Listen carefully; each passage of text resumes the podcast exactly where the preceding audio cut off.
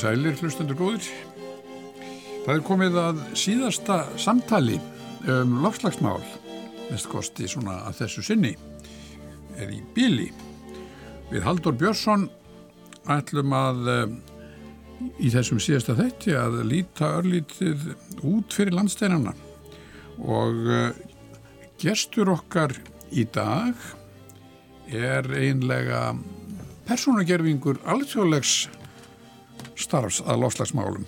Haldur Þorgjursson, ertu velkomin. Takk. Velkomin. Nú, Haldur laug doktorsprói í plöntu og lífælisfræði frá Utah Háskóla í Bandaríkanum og starfaði síðan hér á Íslandi sem, sem sérfræðingur við kóluminsaransóknur og koma kólumisringráðsaransóknum á, á fót hér á landi. Og í kjölfar þess var hann síðan fenginn sem ráðgefi stjórnvalda til að aðstofa þau í samningum sem að áttu sér staði eftir að gengið var frá loftlagssamala samningi saminu þjóðana og þar með fór hann svona inn í þetta alþjóðlega samstarf víst og tæknað loftlagssamningsins og endaði síðan sem einna frænkvæmdastjórum hjá loftlagssamningnum í ásviði stefnumótunar og samningagerðar. Og, og hann er núna komin heim og er núna formaður loftlagsráðs og það er mjög ánægilegt að fá haldur hingað af því að við höfum farið yfir mjög breytt svið þessum þættu og það er kannski við hæfi að enda þetta svona á þessari alþjóðlegu vitt. Við byrjum á því að ræða loftlæsivísindu, umfang og afleðinga þeirra í mjög víðu samhengi. Síðan rættum við breytingar á lífkerfum, á, á landi, breytingar í sjó og lífriki sjávar.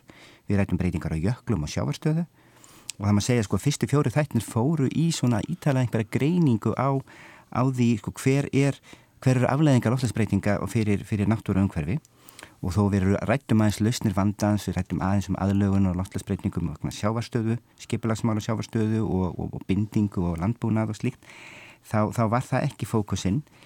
Og síðan færðum okkur reyndar yfir í umræðu frá tæknilegu málum yfir í svona hugmyndafræð og samfélag, við rættum um siðfræði, hvernig hún nálgast náttúruvá og lofslagsvá Siðfræði var lengi vel ákallað mannmiðuð og, og hérna fjallaði lítið um visskjör og náttúrufar.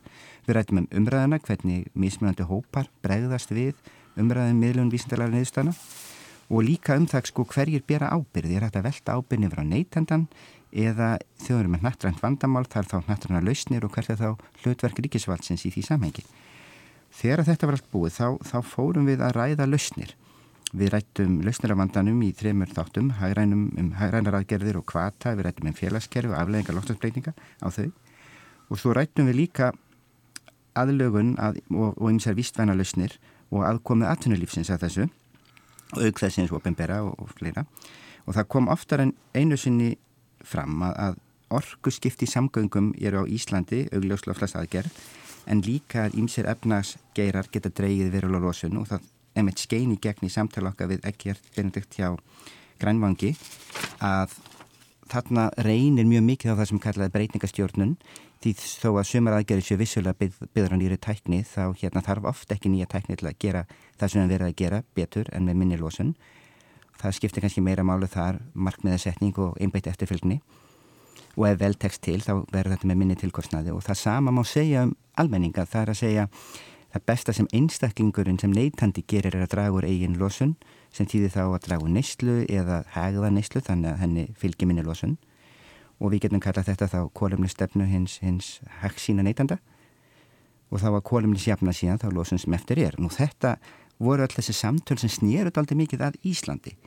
En það hefur eins og ég segi komið fram nokkru sinnum að, að þetta er nattrænt vandamál og það verður að leysa það á nattrænum grunni.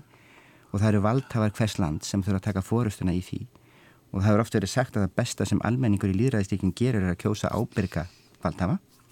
Og ríkistjórnir hafa komið að borðinu nokkru sinnum til dæmis í París 2015 og í Kyoto 1997 svo dæmis ég nefnd. Nú þú komst að báðum þessum samningum og, og stór hluti starfsæfiðin er eins og ég rætti á þann er helgaður samningum um loftlagsmál á álþjóðlega sviðinu. Og þar með þekkir við best þá umræðu um ábyrð þjóða og fleira sem hefur farið fram og af því að þetta er svona síðasti samtalsstátturinn okkar þá, þá er kannski við hæfi að, að við endum á þessari stóru mynd. Þinn að er laust en við tökum bara sko allavega mín upplifun að alþjóðanum samningaviðurum og fréttaflutningi af þeim þá heldur maður alltaf að þarna sé ekkert nema bara hver höndun upp á móti annari og eintóm átöku ágreiningur og samt verðist maður nú að það miði eitthvað. Svo kannski við byrjum bara á því að velta þessu fyrir okkur. Hva, hvernig finnst þér með við hildin okkur hafa hafa, hafa hérna, miðað, er, hefum við gengið til góðs? Já, ég held að sem hef gott hjá okkur að, að hafa gert þetta þessari röð uh, því að uh, þó að þetta sé nattrænt vandamál og, og, og má segja nattrænt viðfánsefni eða nattrænt raunveruleiki þá sko er hinn sko raunverulega myndbyrting er alltaf heima fyrir og þess vegna er svo miklu, það er mjög mikilvægt fyrir okkur svona físja út í lokin. Mm. við erum búin að vera, við físjuðum inn eða þið físjuð inn á nokkra þætti. En þá er, held ég, svo mjög gott svona holdt að físja út. Og það sem ég held að það, við erum í þessu eiginlega all mannkinni við erum að læra að hugsa upp og nýtt. Og eitt, það er margt sem við erum að læra að hugsa um og, og kannski mikilvægast í lærdomurinn eh, allan sem ég tel mig að hafa lært á þessu er að þetta er aldrei annarkort eða Þetta er ekkert annarkvort á Íslandi eða í heiminum, þetta er bæði. Þetta er ekkert annarkvort stjórnvöld eða atvinnlífið, þetta er bæði. En þegar við segja bæði, þá þarf náttúrulega að vera mjög skýr verkarskipting. Og þegar maður talar um verkarskiptingu, þá held ég sem er mikilvægt að átta sig á því þegar þú spyrir, sko, hefur miðað í samkomulega sátt. Þá er mjög líka mjög mikilvægt að hugsa aðeins, sko, hvað er verið að semjum mm. um hvað snúast þessi samningar og um, er, er, eru þjóðir jarðarna nær því að vera undir það búnar að taka við þessu, taka á þessu máli og þá er svarið við þeirri spurningu tvímalust já og eins og allar svona, svona vekkferð sem að, maður fer eða, það er alltaf skiptast á sko, hérna, skíðin og skúrir um, uh, hérna, krísur og, og, og, og sigrar. Þannig að, eh, og svo ég bara nefni nú kannski frægasta fund lofslas ráðstefnu saminnið þjóna og það er mikilvægt að að sjá því að þessar ráðstefnur, þetta er árlegur fundur aðeldaríkja að þessum samningi, þannig að þetta er umvegulega aðsta yfirstjórn lofslasmála á jörðinni sem kemur saman einu svona ári. Mm. Um, og um, sagt, kannski svo frægasta og við kannski þekkjum besta því að hún gerist fyrir, fyrir um höfuborg Íslands Kaupanöfn, að þá læriðu þjóðir í arðanar mjög mikið af þeim mistökum sem voru gerðar í Kaupanöfn þannig að sko þetta er er eins og hefur verið sagt sko það er ekki spurning hvað þú dettur oft heldur hvað stendur oft upp og þess vegna að mínum og þetta er mjög erfitt að koma þessu á framfæri við um, fólk sem er ekki í þessu vegna þess að hvað heyrir maður að þessum fundum? Uh, þeir eru haldnir álega, þeir standi í tvær vikur og það verður aldrei frettnæmt fyrir en uh, tvær vikur eru liðnar og, og menn sitja áfram menn sitja áfram og þá fer spurning, beinir spurningin að því byttu ok, þeir eru búin að vera í matrít í tvær vikur hvað, hvað er ágreinismálið? En þá er aldrei spurt hvað urðu þeir sammála um í tvær vikur? Ja. Þannig að aðtíkli fjölmiðla eh, eðlilega, eða kannski ekki eðlilega, það er bara draumurleiki, við skulum ekki vera að ræðum hvað á að gerast, það er, þetta er það flókið að það er mjög erfitt fyrir jafnvel velvilja, alla velviljaða fjölmiðlumenn og ég vinni með mörgum slíkum að búa til sögu úr þessu. Þess vegna er þetta svo mikilvægt að hafa þetta tóm svona á sundarsmotni að ræða þetta eins. Mm -hmm. og, og þess vegna eh, sko get ég til dæmis á þessum tíma sem ég starfaði þarna að þegar maður horfið tilbaka að ég kem til starfa hjá Lofslagssamningi saminnið þjóðana 2004 þá hér hekk kjótabókunna bláþræði vegna þess að Rúsland hafði ekki fullgilt kjótabókununa og síðan var Rúsland líka að reyna að komast inn í alltjóða visskiptarmálstofnununa og það var samkómulag sem um það bæði aðild rúsa alltjóða visskiptarmálstofnunni og fullgildingu þeirra á kjótabókunni mm. og ástæðan fyrir ég að nefna þetta að, að við gleym, það finn, fennir svo fljótt í spórin, við erum svo fljótt að gleima mm. það sem það hefur gerst að, en svo held ég þessi líka mikilvægt að verðandi þessa spurningu þína um miðar eitthvað í rétta átt að horfa líka ekki bara á lofslasamningin því að hann er ein myndbyrting á nattrætni stjórnun þegar kemur á lofslagsmálum en það eru margir aðrir sem skipta mjög miklu máli, alþjóð flugmálastofnun til dæmis heldur alfarið utanum uh, eh, kólefninsbor uh, flugsamgangna og er búin að stíga að mínum að þetta er tímamótaskref með því að, að taka upp eh, viðskipti með losuna heimildir vanandi flug sem að eh, verður er að taka gildi núna allþjóða signingumarstofnun líka, allþjóðabankin þannig að og svo finnst mér líka kannski eh, hafi verið minni aðtikli hérna en ég held að sem er gott að nefna því þessu samhengi að á sama tíma og samstaða náðist um Parísa samkómalæðið, eða samningin það var líka, sam, það voru heimsmarkmið saminu þjóna líka samþygt. Þau eru alltaf annars eðlis, þetta er ekki alþjóða samningur, þetta er þetta svona vilja yflýsing þjóða, en þetta er rosalega merkilin niðurstað. Og þar, fyrsta skipti, er svona heilstað framtíða sín jæðabúa. Og þess vegna vildi ég svona, ég tel mig alveg, og ég, ég er samfærðan um það bara byggt á minni reynslu, að það er feikilega mikill árangur að nást. Eh, en við erum að snúa við stóru skipi eins og við oft verið með þessa samlíkingu og þú snýrði ekki við stóru oljuflutningaskipi á, á einum punkti og þess vegna eh, er ég mjög ánaður með þann árangur sem hefur nást en hann er ekki fullnægandi. Og hvað hva situr þá eftir? Þú myndist á, á, þú myndist á kaupmannahöpp því að upplifun, ég var að vísa ekki þar en, en, en upplifun þar sem ég þekki sem voru þar var einmitt þess að þetta hefði, þeim leið eins og þetta hefði verið eitthvað, eitthvað fjasko og svo talaði ég ekki löngu síðar við, tveimur ánum síðar við, við bandrækjaman sem var í, var ráðgjafi í hérna, Obama-stjórnarinnar.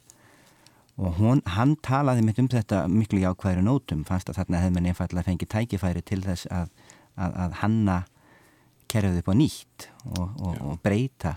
Þannig að þetta var, hann lítið þetta sem eitt skrif aftur og bækla að taka tvö skrif áfram. Já, sko, þetta var vissulega fíasko og þetta var uh, mikil neysa fyrir Danmörk.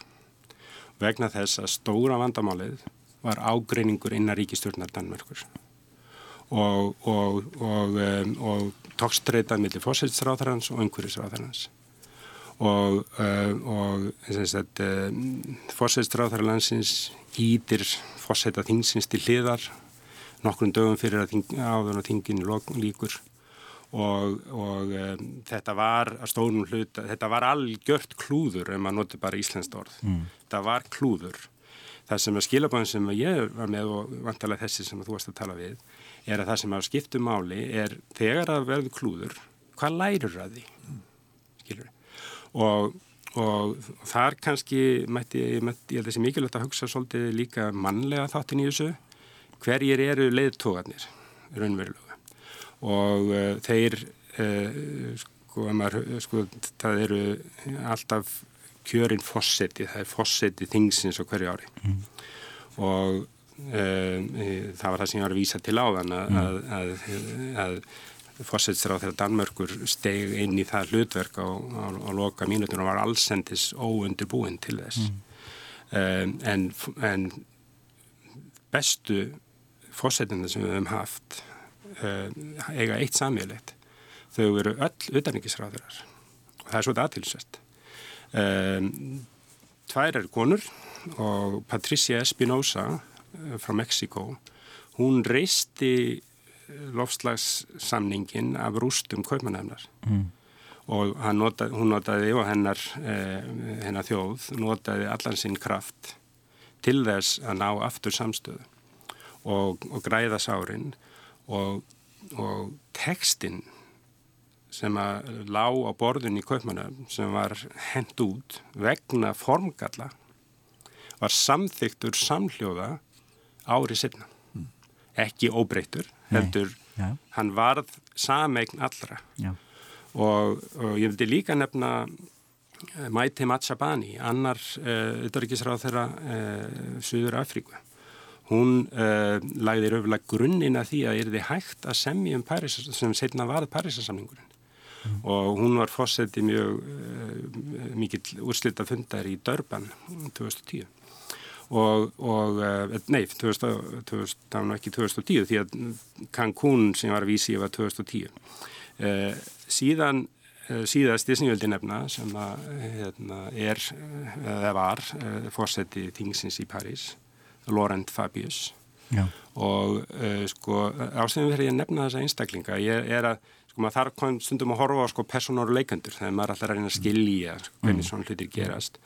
Og þar er eitt sem að kannski kemur mörgum og óvart að því að maður horfir á þetta ef maður er ekki í, í ringiðinni þá horfir maður á þetta utanfrá.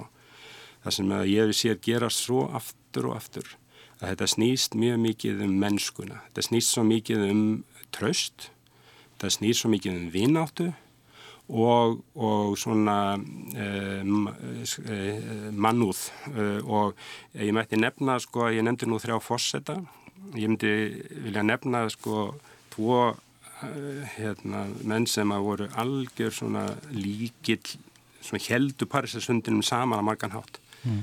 það var John Kerry sem þá var auðarkisráð þeirra bandarækina og Xi Shenhua sem var eh, aðal samningamæður Kína Já. og Xi Shenhua er í mínum huga algjör hetja og kynverjar eiga mjög mikinn eh, þátt í því að ná, samkómalega náðist í, í París. Og Xi Shenhua blessaður, hann var komin, hann átti að fara á eftirlaun.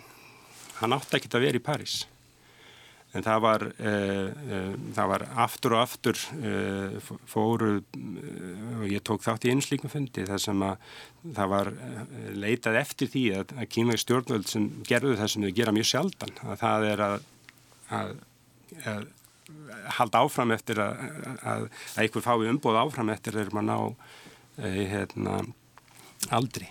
En það sem ég er ástæðan fyrir því að draga þetta fram er að þegar maður sé frettir og þá sér maður frétta á grengnum og öllu þessu. Og maður færða á tilfinninguna að þessi stóru eins og þessu tilfelli eh, hérna, Kína og Bandaríkinn séu raunverulega bara uh, hluti af vandamálinu. En, en og, þau, og, og samstaða Bandaríkjana og, og Kína á þessum tíma var algjört líkiladrið og mm. það er kannski ekki að fara út því að núna að þetta náðu náttúrulega herra heldur en þarna. Og það að Obama skildi tilkynna framlag bandaríkjana til Parísasamningsins í Peking eða Beijing eins og menn vilja kalla þetta. Segir hans miklu sögur Já, en, eitt, en Haldur er ekki um leið og þú leggur áherslu á mannlega þáttin mennskuna mm -hmm. og þetta faglega, þú nefnir þetta með utanriksraðurana en er, er þá, hefur það ekki sagan sínt heimitt síðan að hvað þetta er viðkvæmt. Svo kemur nýr fórseti bandaríkjana með allt aðra sín, miklu þrengri sín og, og í raun eðilegur þetta. Sko, þetta er alveg, sko, ég hérna tek undir það að það eru sviftingar í kringum þetta. En ég myndi ekki taka undir að þetta sé viðkvæmt og ég mætti kannski aðeins fá að, að, að útskýra hvers vegna ég gera þennan greinamun og, og ég er nú, þó ég, ég var eiginlega of sjóvikur til þess að ég ætlaði nú að verða, sko, ég ætlaði að fara stund að rannsaka lífriki hafsins. Ég var bara of sjóvikur til þess en ég, ég fættur á uppalinn á Ísafriði. Þannig að ég, og mínar, mínar fyrirmyndir í lífinu, maður leiti upp til, sko, það var það flottast sem var hægt að vera að vera skipstjóri. Oh. Uh, og ég, ég veit það að það versta sem getur komið fyrir skipstjóra í, í, í öldurótinu er að missa vélaraflið. Vegna þess að, að þá getur ekki beittur upp í vindin eða upp í ölduna.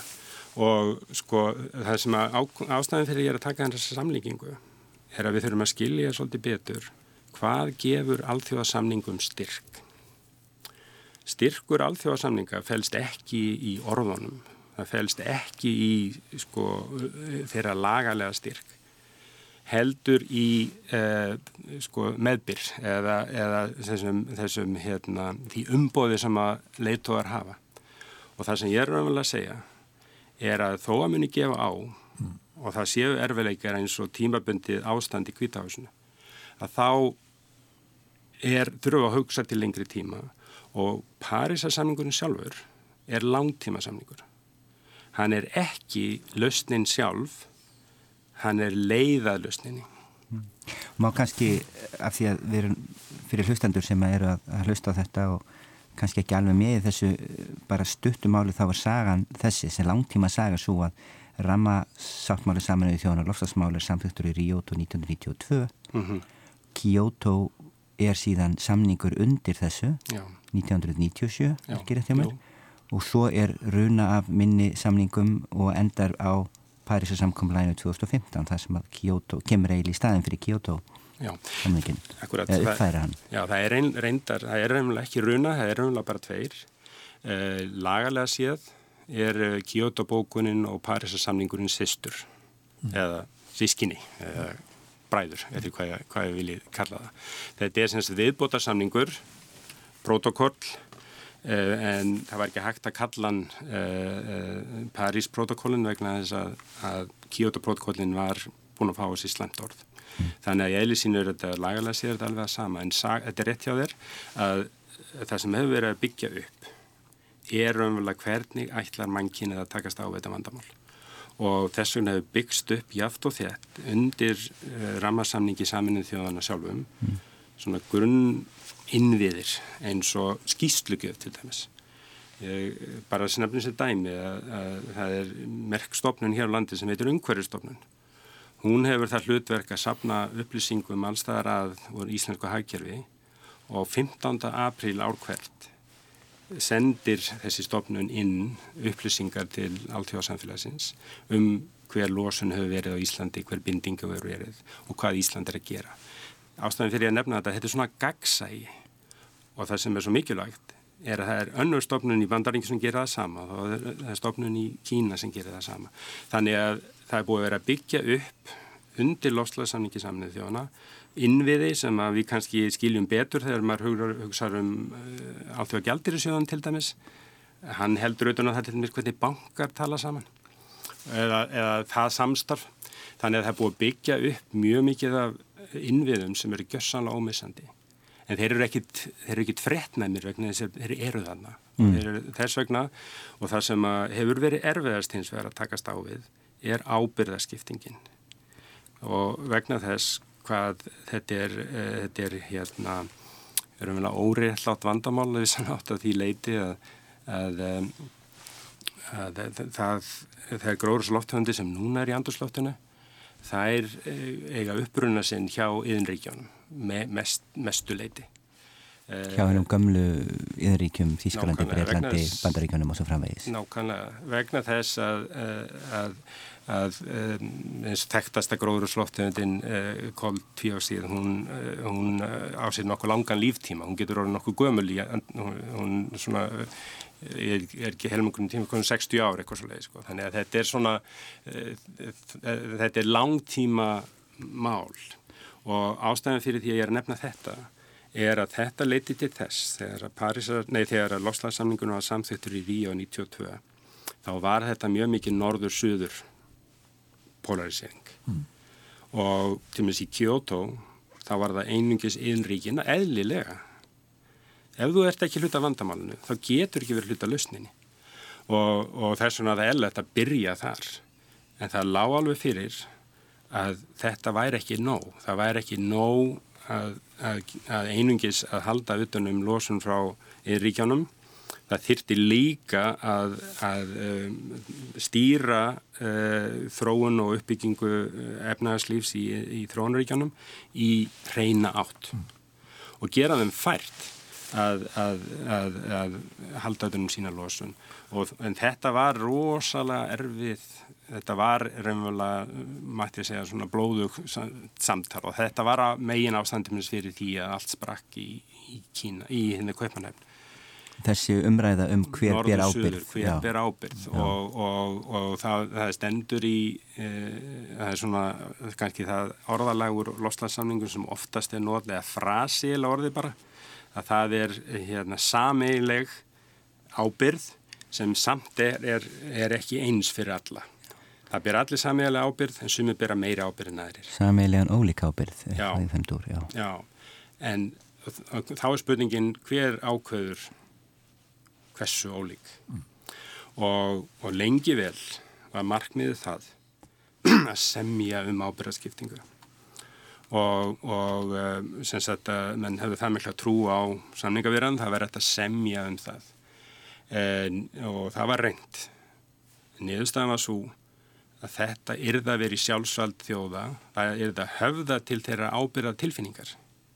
Og þetta hljómar skelvilega veikt en ég get útskýrt að hvers vegna þetta er ekki Já, veikt og hljómar. Já, eins veikt og hljómar.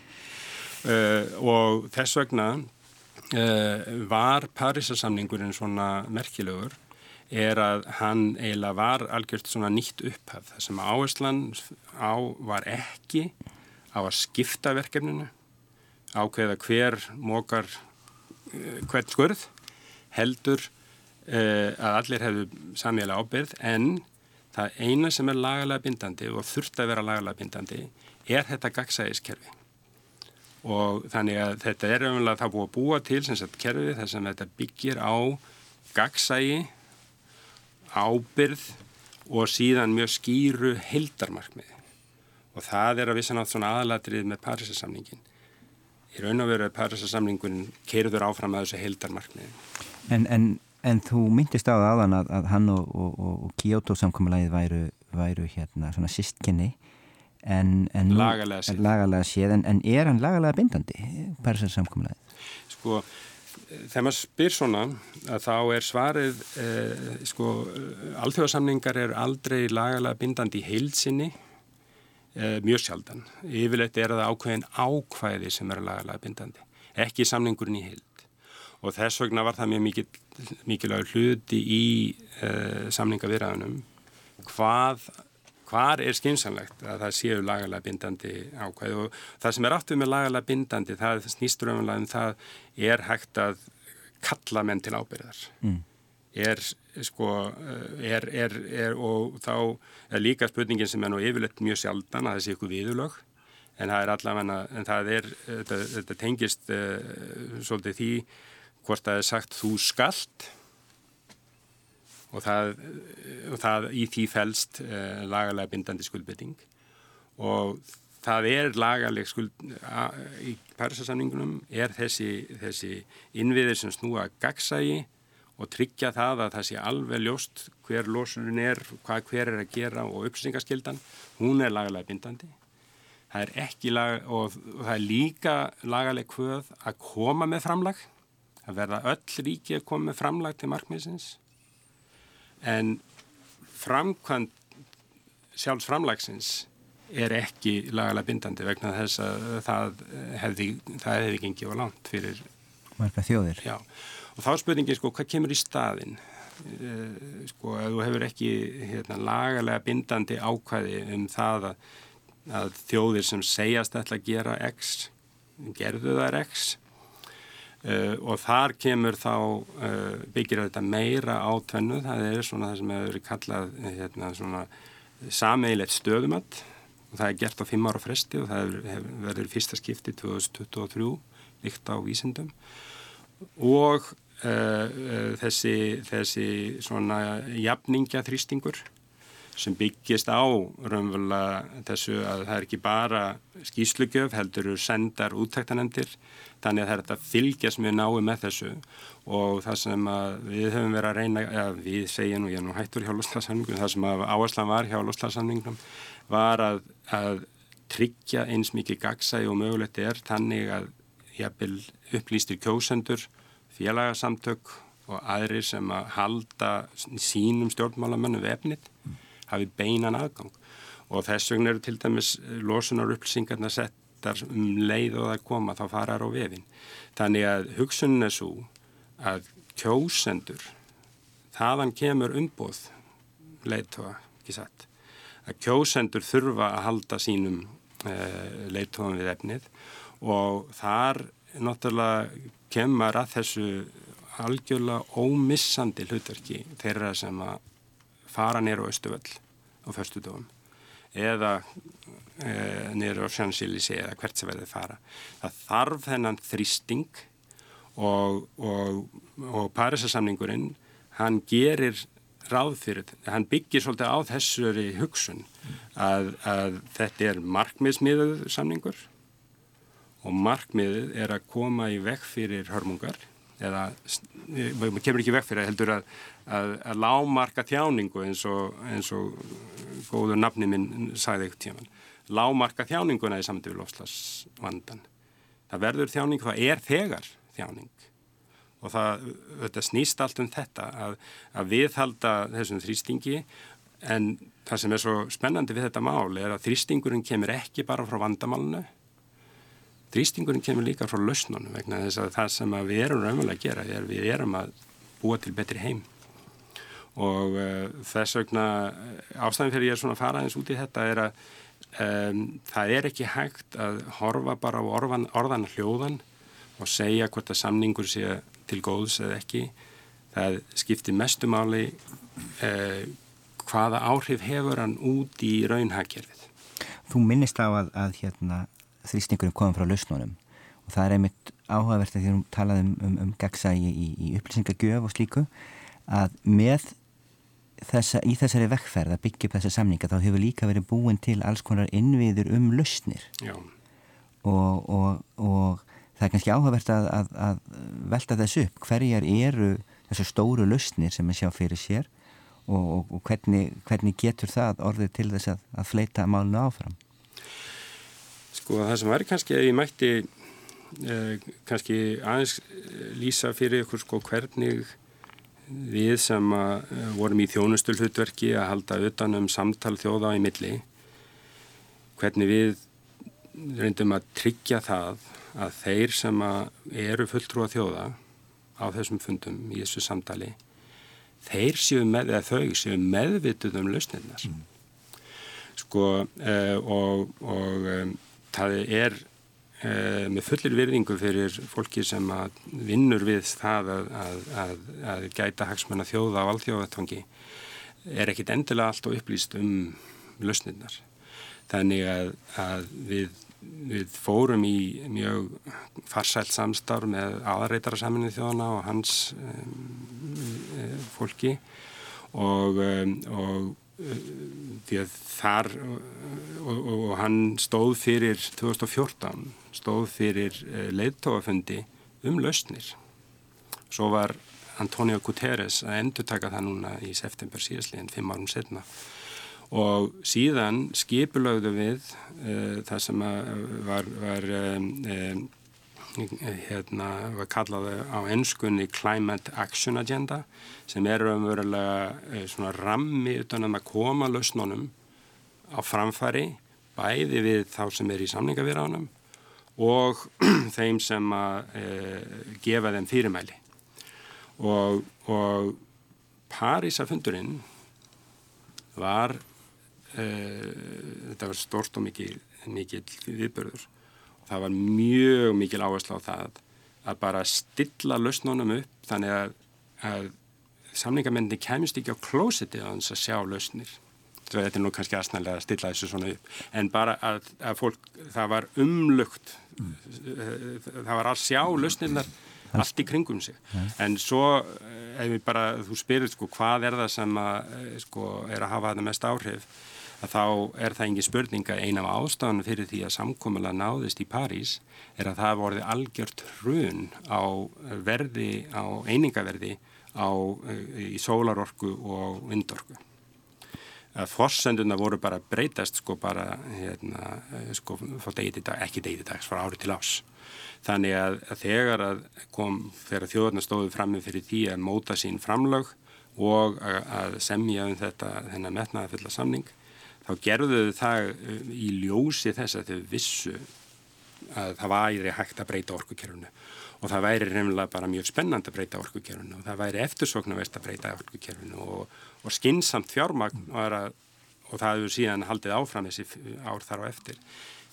Annað lausnasvið, svo ég svara nú spurningunum um lausnirnar, annað lausnasvið sem hafi mikil áhrif, það var borgarskipulag og, og hvernig maður þróar borgir og hvernig borgir geta orði lífvalænlegar og það var mikið samstarf uh, borgarstjóra á þessum tíma og ég var uh, náttúrulega sem ísendingu stoltur að, að sjá uh, mína höfuborg og borgarstjóra höf, höfuborgarinnar í, í frontinu þar líka. Og, og bara það fyrir uh, leittóana sem að stóðu hann fram með fyrir því hvort er eftir að taka þessa ákvörðun í París að þeir sáu hérna, borgarstjórana standa bynd fyrir aftan sig. Þeir sáu þá sem áttu fjármagn uh, tilbúna. Það voru leittóar á atvinnulífinu. Það voru hérna, trúar og samvisku leittóar Páinn og, og aðrir eh, með honum. Þannig að ástæðin fyrir ég er að það er þetta sem ég á við, sko, að þrýstingurinn kemur frá lausnunum að því að þetta er bara spennandi framtíð. Mm. og svo margkvælt meira spennandi heldur en aðgerraleysið og aðgerraleysið er einlega dýrast í kosturinn. Og þannig, og, og eins og þú varst að lýsa þessu, að þarna, við getum kannski orðað bak við tjöldin eða Jú. þannig er, er verið að, að undirbúa e, svona stórfundi um, á vettvangi saminuðu þjóðana eða í samstarfi við saminuðu þjóðanar þannig að það er skipta miklu máli þess að vettvangu skiptir miklu máli Jú, þetta er, sko, þetta er eh, sko, saminuðu þjóðanar eh, eru alls ekki hafnar yfir gaggrín eins og við vitum og saminuðu þjóðanar upphafi voru settar fyrst og aðeins út af sko, fríðamálum og, og, og mannreitindamálum og þrónamálum en saminu þjóðnar í dag snúast mjög mikið um þessi mál. Mm. og ef uh, maður horfir á sko, áherslur aðaleitara saminu þjóðna uh, þá snúast er mjög mikið um þetta. Og það er engin spurning að, að ef að það væri ekki farvegur eins og saminu þjóðnar til þess að takast á við lofslagsvandan þá þyrti að búa það til þann slíkan vettfang. Það sem er annað líka sem er mjög mikilvægt í þessu samhengi er að, og gleimist oft, er að vettfangi saminuð þjóðana þá er hver, hver þjóð með eitt atkvæði óháð stærð. Þannig ef eitt tjón kemur til atkvæðagaríslu að þá fer Vanuatu með eitt atkvæði og bandreikin annað. Auðvitað eh, er þetta kannski ekki sko eh, hérna eh, raunveruleikin þegar kemur loftlagsmálunum vegna þess að það er aldrei greitt atkvæði. En það sem, mál, það sem ég vildi undistrykka er að þetta gefur þeim Eh, þó þessu littlar eh, sæti við borðið og síðan hefur það verið mjög mikilvægur þáttur í þessu er að valdefla um, þau ríki sem eru viðkvæmust fyrir þessu og, og það sem mjög aðtilsvert að vísindin sem að eru um, mjög mikilvægur hluti af þessu samtali uh, þau hafa hjálpað smáegaríkjónu til dæmis að þau hafa geta staðið á notað það besta sem kemur úr vísindunum hverju sinni sem að er tekið saman af, af milliríkanemnd saminnið þjóðan og lostfarsbreytingar í PCC til þess að segja, heyrðu, hinga þurfum að fara og hinga getu við farið. Það ástæðan fyrir ég að nefna þetta er að, að e, það verður, það, það, hún, þessi vettfangur gefur hinn um rallausu rödd og, og, og það er bara svo mikilvægt vegna þess að þeir sem eiga eftir að fara vest út úr þessu uh, eru almennt uh, standa veikt fyrir af öðrum ástæðum eru komin stutt á sinni þróunubraut uh, þurfa og, og niðurstaðan í París var að stöðva hlínunum eða röskun verakerfina nægilega snemma mm. til þess að allar þjóðir sem sáttuðu borðið ættur séð framtíðar von. Það er reyndar áhugavert akkurat um þetta sko í mínu fægi lofslagsvísindum þá auðvitað er svona ferill ekkert óumdeldur frekar en annar staðar og eina með gaggríni sem að ég heyrði oft var áður fyrir sérstaklega var að ef við skuldbindum okkur nákvæmlega um hversu mikið við ætlum að draga saman þá er ekki vist að það dugi. Nákvæmlega. Og það er áhugavert sko hvernig raun og verum að segja að pærisamkomlæðir á einhvern náttúrulega að taka miða þessu af því að viðmiðið er einfallega niðurstaðan, við ætlum ekki að fara yfir þetta, en þá ef kemur í ljós, sem gæti verið að koma í ljós að, að kerfi sér viðkvæmar við heldum, þá myndum við líka þurfa að, að draga meira úr en við ætlum okkur að gera uppálega. Nú, það... ef það kemur í ljós að það er í hínáttuna, þá getum við slakað á. Akkurat, og þetta er byggt inn, þessi hugsun er byggð inn og hún er byggð inn í þennan fimm ára takt. Og þessi fimm ára taktur hann, bygg, hann byrjar á framlögum. Allir koma með sitt framlag. Síðan uh, er innan þessa fimm ára rings uh, þetta nattræna stöðumat sem byggir á bestu uh, fálega upplýsingum um vísindin og, og uh, millergennend samlega þjóðana er alveg ómetanleg uh, í því samhengi. Og í ljósi þessa samíla stöðumanns eigar síðan ríkin að koma með næst, þetta er svona ringur, mm. þú veit að þá koma með þitt framlag næst og, og, og koma með metnað met, meir, meiri metnað. Og þetta er svolítið líkil orð að nota, það hefur farið í taugarnar á sumum, ég veit eh, sumum meir sem hér á landi finnst að það að kalla þetta framlag sé ykkur leiti að veikja það. Mínu viti er það miklu sterkara vegna þess að, að þetta þá byggt á eigin fórsendum þetta er það sem Ísland ætlar að leggja fram til, eh, til nattræðinsverkefnis og, og síðan er eins og þú nefnir Haldur, það er mjög mikilvægt að horfa til lengri tíma og það er ekkit auðvelt.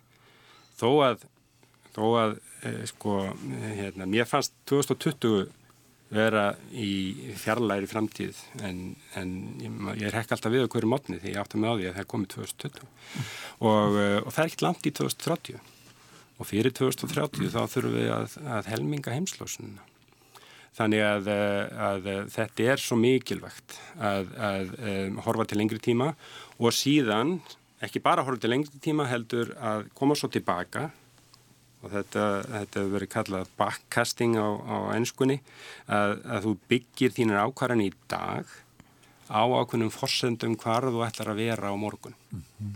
En þá sko þegar þú segir þetta með helminga heimslósunna þá er náttúrulega viðbúið að hlustendur súpekveljur og, og sko bara er þetta, er þetta gerlegt? Og hérna og þá er kannski spurningi sko eh, er, er eitthvað sem gefur til til bjart sínum að þetta sé gerlegt? Að...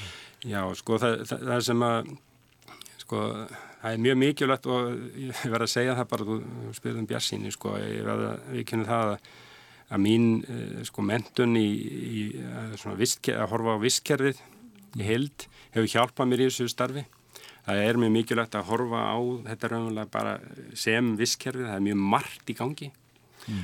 og, og það er ekki hægt að horfa bara á einhverja niðurstöðutölu sem er heildar losun á jörðinni.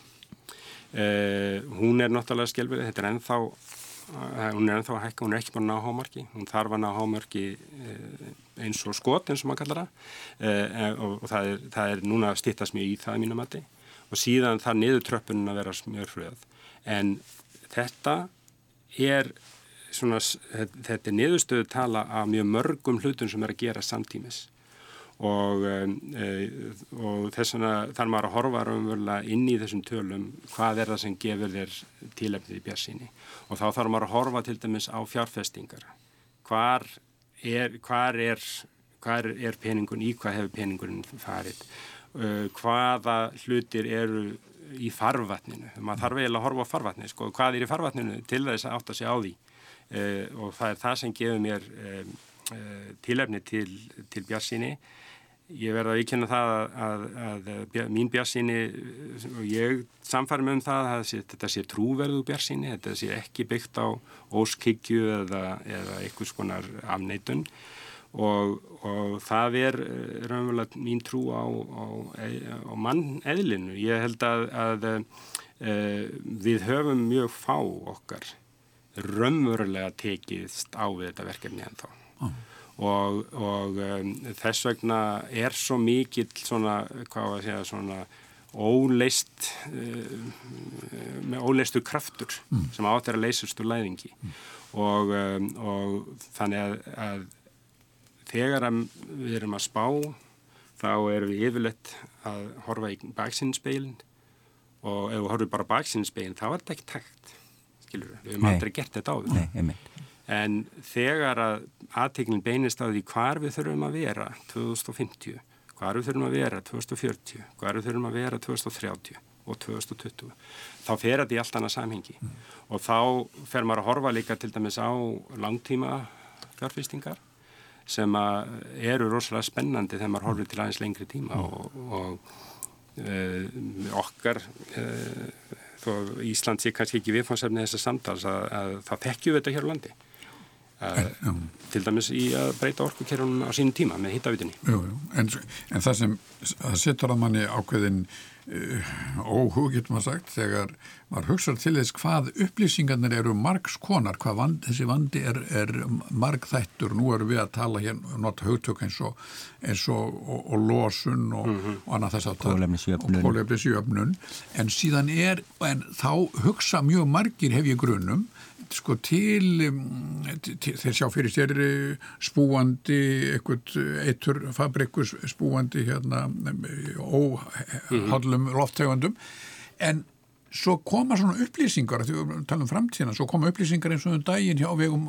frá mhm. UNICEF mm -hmm. sko um, um, um stöðu barna í framtíðinni mm -hmm þar sem Ísland, og að fjörum að tala um svona vettvang, alþjóðlega vettvang, Ísland er þar í nýjunda sæti þegar kemur að þessum hefðbunnu gildum sem all, allar þjóður keppa að, þar að segja heilbreyði og örríkjóna þess aftar. Mm -hmm. En þegar komið, en, en þegar, eins og segir í sér sumu skýrslu, þegar kemur að sjálfbærni til framtíðar, þá rapar Ísland í 160. og 3. sæti mm -hmm. meðal þjóða, 180 þjóða. Mm -hmm og sem leiðir hugana því að við eigum stundur svo erfitt með átt okkur á eða taka inn sko nesluna sem þýðir þá að við erum að glíma við hagkerfið, við kapitalisman. Mm -hmm. Já, en það, það sem er svo erfitt samt sko er þessi, þessi breytingastjórnun sem að, sem að þú nefndur í, í inganginum. Hvað er það? Hver, er, hver eru, ef maður hugsa um datu sem visskerfi sko, mm hverjar eru líki tegundunar í visskerfunu, hvað þarf að gera til þess að virkilega breyta ástandinu og, og það er engi spurning uh, ef ég, til dæmis, ef ég hefði uh, töfrarbota og hvað myndi ég vilja gera? Ég myndi vilja slökka á morgun á öllum kólaförum. Skiljiði, það, sko, það er engin, það, þetta er ekki, þetta er mjög einfalt uh, en ef við tökum bara þá lausn, ef við tökum þetta aðeins áfram og við mögum ekki glema því að þó að, uh, þó að hérna, þetta fari svolítið breytilegt frá einu til ás, einu ár landi til annar. En ég get fullist það bæði í Ástralíu og Bandaríkjunum þá þeir sem eiga kólaverinn, þeir eiga líka stjórnmálakerfið. Þeir eiga líka fjölmiðlina. Og þeir eiga líka hérna, uh, hafa burði til þess að, að, að raunverulega halda uh, hérna, almenningi í myrkurinu. Þannig að það er svona... En sko, sko nú, nú minnistu á bæða það er mikilvægt að, að hugsa um svona hvað eru þær upplýsingar sem kannski skipta máli. Og maður alveg benda á að þegar við tölum um Ísland og sjálfbætna þá er voðal ofta að tala um losum frá stóriðju sem er eins og hefur komið fram í þessum þáttum hlut að vistakerfi og óþarfið að láta það setja svo jafnvægi ef það rættar í einhverjar samtölur. En en þú myndist á sko fjárfestingu og, og, og fjárfestingu framtíðar og það kannski er áhugavert emitt að velta fyrir sig hvort að þetta sé ekki líka einhvert stærsta vikt það ekki færi hérna kapitalistanna að, að umbylta kerfinu Engin spurning, engin spurning í mínum huga. Og, og sko ef að, ef ég ætta að benda á eitthvað eitt sem við ættum að vera að hugsa um í dag Íslandi ef við hugsa um framtíðina það er samkefnishefni í framtíðarhagkerfinu sem er, verður lágkólmishagkerfi eða, eða kólminsefnað hagkerfi og, og það verður eh, og við erum með ákveði forskott en það er það sem er uh, spurningin hvernig tryggjum við verðmætasköpun í þessu framtíðarhagkerfi? Mest eins, eins mikla eh, verðmætasköpun og mögulegt er á hvert tonn sem losað er. Mm og, og það, það er svo hugsun sem við þurfum að vera að hugsa um. Uh, og, og það verður líka mjög mikil eftirspurn eftir uh, aförðum sem eru með látt kóluminspor þess vegna á til dæmis Íslensku sjáarútur ekki vera að hugsa um alltjóðlega skuldbendingar Íslensku sjáarútur að vera að hugsa um neytendur morgundagsins. Hvernig fisk viljaði kaupa eða borða og þannig að ég held að sko ef ég uh, er að koma frá tunglinu og, og, og leita mér að landi til að búa þá eh, held ég að það sé mjög spenn og það við þurfum líka að hugsa þannig. Hvernig höldum við okkar unga fólk? Hvernig höldum við fjármagnir og hvernig uh, mörg, þetta er eiginlega sko þetta er svona kjarnin af nýsköpun. Þegar ég var alast upp þá skildi ég ekkit orði nýsköpun vegna þess að eina sem ég þekkti var nýsköpun og tógarar mm. og við þurfum svolítið að hugsa þannig. Eh, hver er nýsköpunin í dag? Nýsköpunin snýst um að, að koma í veg fyrir sóun, veita þjónustu án þess að eðilegja framtíðana með því. Já, hér, þetta var að loka árin.